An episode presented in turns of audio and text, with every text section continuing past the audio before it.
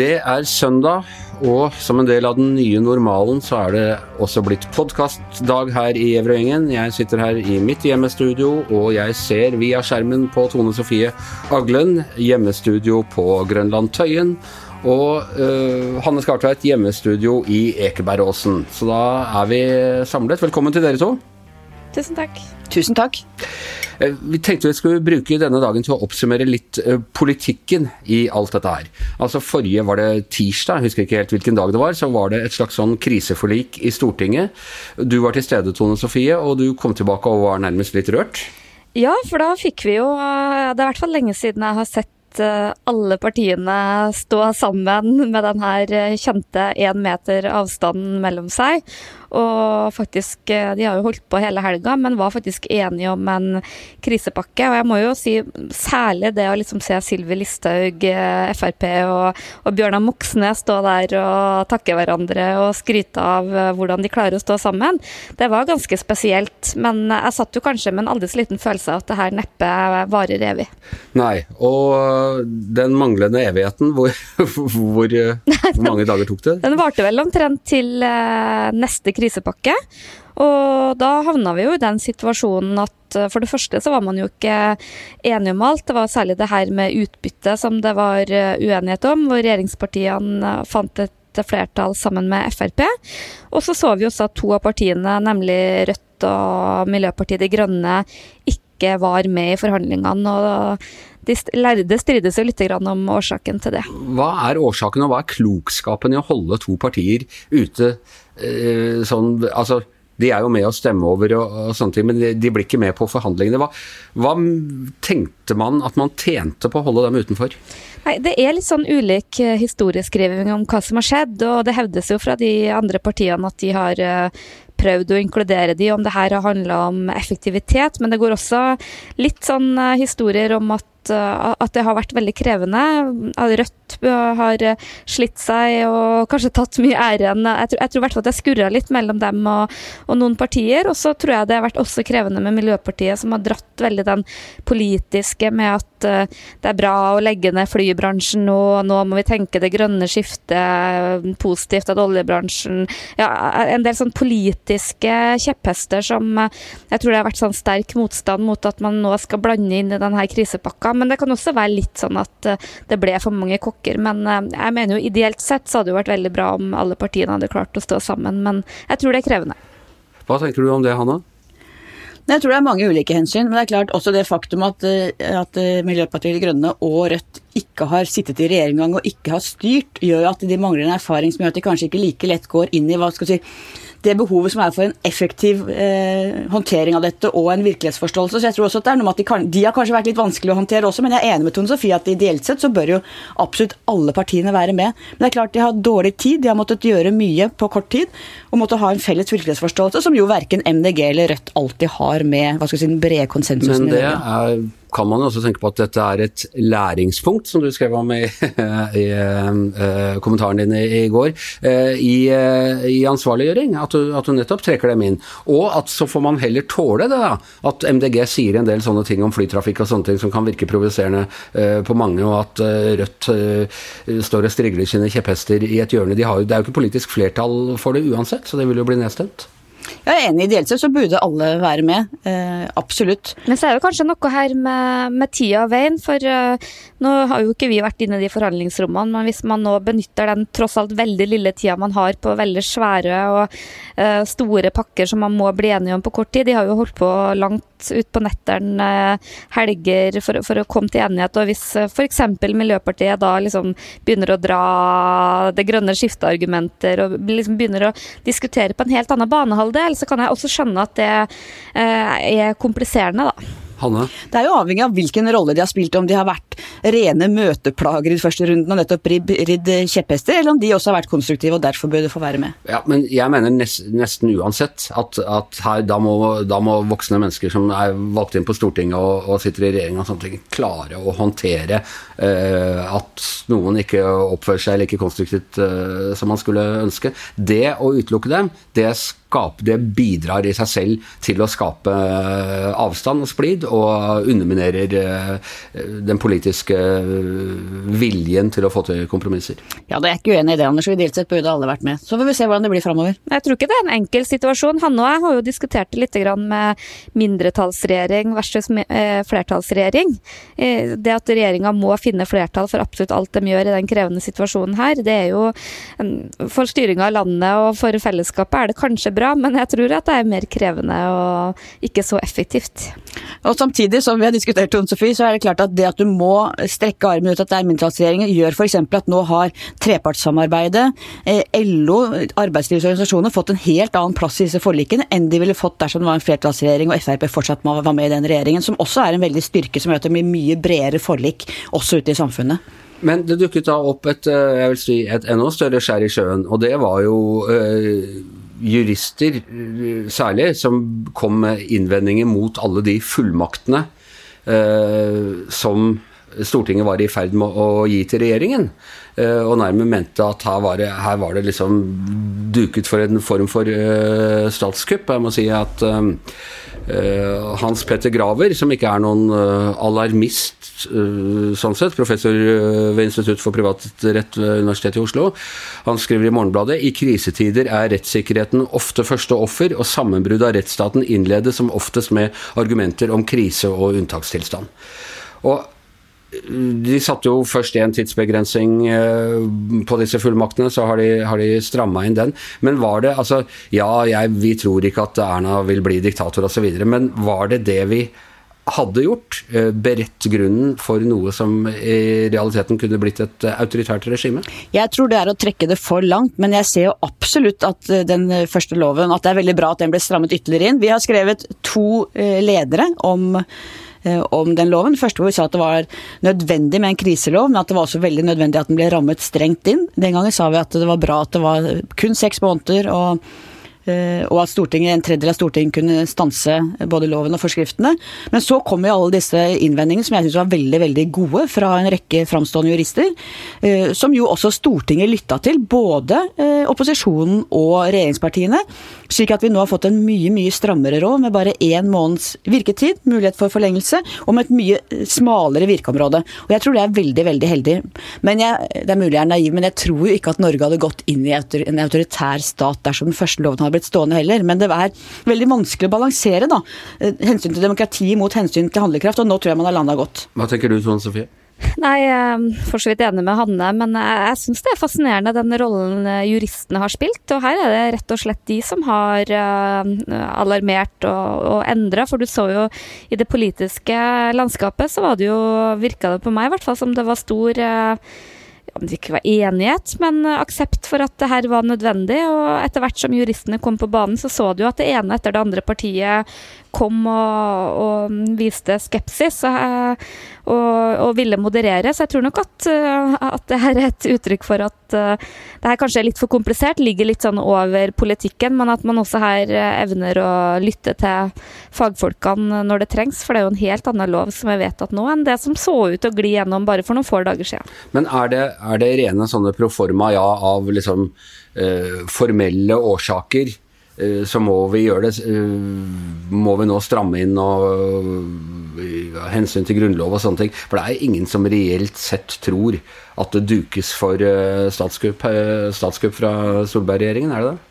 Nei, men det er jo helt grunnleggende likevel. Altså, demokratiet og statskonstitusjonen vår, grunnloven, alle disse tingene er jo også for at det skal stå støtt i krisetider. I vanlige tider så glir jo alt av seg sjøl, men det er jo virkelig krisetidene vi trenger de garantiene som ligger der. Og selv om ingen tror at Erna Solberg ville blitt en diktator i Norge, så er det klart at det å ha de grunnleggende reglene og de hensynene til grunn også når det koker som verst, så er det viktig å holde fast på og balansere da mot handlekraften, som man nå tror jeg har gjort ganske godt. Samtidig så har vi jo et eh, ja, vi har jo et veldig omfattende byråkrati i Norge, eh, som eh, de aller fleste dager er veldig eh, bra, som gjør at ting kan framstå som veldig sendrektig, men man får liksom ofte fram alle sider, alle motforestillinger, og nå vil nå det liksom sammenligne med hvorfor gjør vi ikke som i Kina, hvor de liksom bygger sykehus på en uke, og det framstår mye mer effektivt, så er det jo helt totalt forskjellige samfunn vi sammenligner. Og samtidig så er det da altså blitt anført at vi har allerede denne smittevernloven som har et ganske Som har vide fullmakter og, og stort mandat, så det var også litt spørsmål om var det egentlig nødvendig? Men da var det, noe, av, noe av det man har begrunnet det med, er jo bl.a. hensyn til altså tidsfrister i Nav, det at folk skal få de rettene de trenger, at det er en del lover som er laget for, hva skal si, for fredstid og, og, ikke for nå. Og når du hørte også Monica Mæland, justisministeren, og statsministeren Erna Solberg, så var jo de også veldig tydelige på at de så alle dilemmaene rundt at de i hvert fall utgangspunktet ikke ønska å ha tiltatt seg noe voldsom makt, men alt fra liksom hvordan eh, plan- og bygningsloven, hvordan områder er organisert, en hel rekke ting som dukker opp som er helt uforutsett, som man ikke vet hva kommer, og som ikke ligger under smittevernloven i utgangspunktet. Det er en viss eh, hva skal jeg si, parlamentarisk eh, presedens i Norge for fullmakter. Da. Han og hele Elverumsfullmakten som eh, regjeringen Nygaardsvold regjerte på i, i, fem år in absentia. Men da var det krig? Ja, og det er det nesten nå, er det ikke? Jo, det er en helt spesiell situasjon. Og forskjellen er at da var vi angrepet av en ytre fiende. og på en måte Vi visste veldig hva det handlet om. og visste at, eh, Vi visste ikke at det skulle vare fem år, men vi visste at nå var det krig og dramatisk. Nå står vi i en situasjon hvor vi både går inn i det uvisse på hvilket omfang dette får, og hvor lang tid det tar. Men jeg tror alle er enige om at vi er i en veldig veldig kritisk situasjon, selv om vi ikke forstår helt hva den handler om fullt og helt. Hadde uh, Elverumsfullmakten overlevd et like kritisk juridisk blikk i dag som uh, den gjorde da man gikk, gikk tilbake til den i 45? Det er ikke godt å si. Det var jo en annen situasjon og en annen tid, og autoritetene hadde jo en annen plass den gangen også. Uh, nei, det syns jeg er vanskelig å svare på. Krig og, og epidemi, pandemi, er to ulike situasjoner, men begge to er ganske kaotiske. Hvordan ser dere nå det videre uh, politiske arbeidet i Norge? Altså Vi er i lockdown, og vi kommer til å være det i hvert fall fram til påske, vil jeg anta. Kanskje fram til uh, over sommeren er ikke helt uh, usannsynlig. Hvordan tror du dette vil eh, påvirke de politiske skillelinjene i Norge? Tom Sofie? Det er mm, krevende å si. Sånn som det ser ut nå, så virker det jo som liksom at det store, brede flertallet jobber godt sammen. Så merker du jo veldig godt når de legger frem sine forslag at uh, hvem som har sine, sine hjertesaker og, og, hva man er opptatt av. Hvis Senterpartiet er opptatt av uh, småflyplasser og bøndene og mens Arbeiderpartiet Man har veldig ulike innretninger. Men jeg er også litt sånn spent på hvordan det her vil uh, slå ut på politiske tyngdekraften. For det er jo veldig ofte sånn i, i, krisetider at det blir litt sånn samling rundt dem som styrer. Og jeg syns i hvert fall at, uh, at, det er et bilde av Erna Solberg nå som mange lenge syntes på en måte var for forsiktig og tilbakeholden og, og ikke tok dette nok på alvor. At det har snudd litt, og at mange opplever at hun nå er en trygg og tydelig leder i en krisetid. Men det, det, er jo selvfølgelig helt avhengig av hva som skjer, uh, hvordan uh, ting går videre. Men ofte så vi det, vi så det veldig godt i finanskrisa, at da, da slutta folk opp om statsministerpartiet og det trygge. og det Ofte er det sånn. Hva tenker du om det, Hanne? Du var jo litt avventende til hennes lederrolle ved, ved innledningen til denne krisa? Ja, jeg var det, men jeg tenker ikke at både Erna Solberg og Jonas Gahr Støre står fram som ganske tydelige. Jonas Gahr Støre traff jo godt når det gjaldt dette med utbytte, og har vært ganske sånn sindig og rolig han også. Så kanskje vi fremstår med to helt, helt tydelige statsministerkandidater, hvor liksom Trygve Slagsvold Vedum og Siv Jensen og de bukker litt unna. Men det jeg kanskje syns blir enda mer interessant å se framover, er forholdet mellom kommunale selvstyre og statens styre, hvor vi ser at veldig mange kommuner da på en måte går mye lenger i smittevern, setter egne regler som er også på tvers av det regjeringen og staten ønsker. og Der tror jeg det kan bli mer konflikter og mer skisma framover. Vi ser jo bl.a. at her i Oslo at uh, Raymond Johansen fremstår som en ganske sterk mann. Ja, nå har han jo stengt all alkoholservering. Uh, jeg er veldig i tvil om det eh, står seg, eller om hvor, hvor dramatisk det er. Altså, om han som byrådsleder tar andre grep enn staten som går utover det Folkehelseinstituttet og andre eh, anbefaler. Jeg er veldig i tvil om hvordan det vil spille seg ut framover. Men med 50 drikkesteder, tror jeg det var, de mente som eh, brøt forskriftene, så har han et relativt alvorlig utfordring på altså det koster å stenge ned dette samfunnet på den måten der. Og, og hvis, man, eh, hvis, folk kan gå på pub og bli smitta like fullt, så har du et uh, ganske stort problem. Absolutt. Uh, og spørsmålet er om du skal ta alle, eller om du da skal ta de som bryter forskriftene. Hva? Det er klart En by hvor det ikke er noen steder hvor folk kan møtes, og hvor mange sitter alene i leilighetene sine, det har jo en pris, det òg. Jeg må si jeg er litt betenkt. Betenkt på de fullmaktene han nei, nei, det som gjøres der, og jeg har ikke noe problem med å skjønne at det her Eh, er krevende, og at det er helt sikkert mye, mye som er utover forskriftene. Det ser man jo overalt. I I butikker og alle steder. Og det er ikke lett heller. Er liksom en stor by og alle skal oppføre seg og sånn. Men, men, det å ta fra alle den muligheten til å ha et sted man kan treffes eh, Og det er ikke sånn, virkelig ikke for min egen syke mor her, men det, det er mange ulike behov, mange ulike mennesker i samfunnet. Og jeg, jeg må si jeg er bekymra for en, en, del av de her sosiale effektene for mange som på en måte har sin pub som sin eneste møteplass og det eneste de har som en holdepunkt i livet. Så jeg syns ikke det her er noe enkelt, altså. Samtidig, det er litt norsk at vi altså, Du ser hvordan de har eh, kvittet seg med det i de landene hvor de har klart å Eller ikke kvittet seg med, i hvert fall tilsynelatende fått en kontroll mot det. Der har de kjørt drakoniske lover. Mye hardere. Det er mye tøffere i Nord-Italia eh, enn det er i Norge. Det var mye tøffere i Wuhan-provinsen. Og så skal man i Norge liksom la folk sitte sitte på pub fordi det er trist for dem å sitte hjemme? Er det Nei, det, jeg syns det er litt sånn feil å sammenligne Norge med Nord-Italia og Wuhan, hvor det her faktisk eh, kommer fra. Jeg tror, håper virkelig at vi har en helt annen kontroll, men, men eh, jeg tror vi etter hvert vil få se at konsekvensene av en del av det vi nå gjør med isolasjon og sånn, tror jeg vil ha en ganske sterk både fysisk og psykisk effekt for veldig mange mennesker som vi ikke overskuer.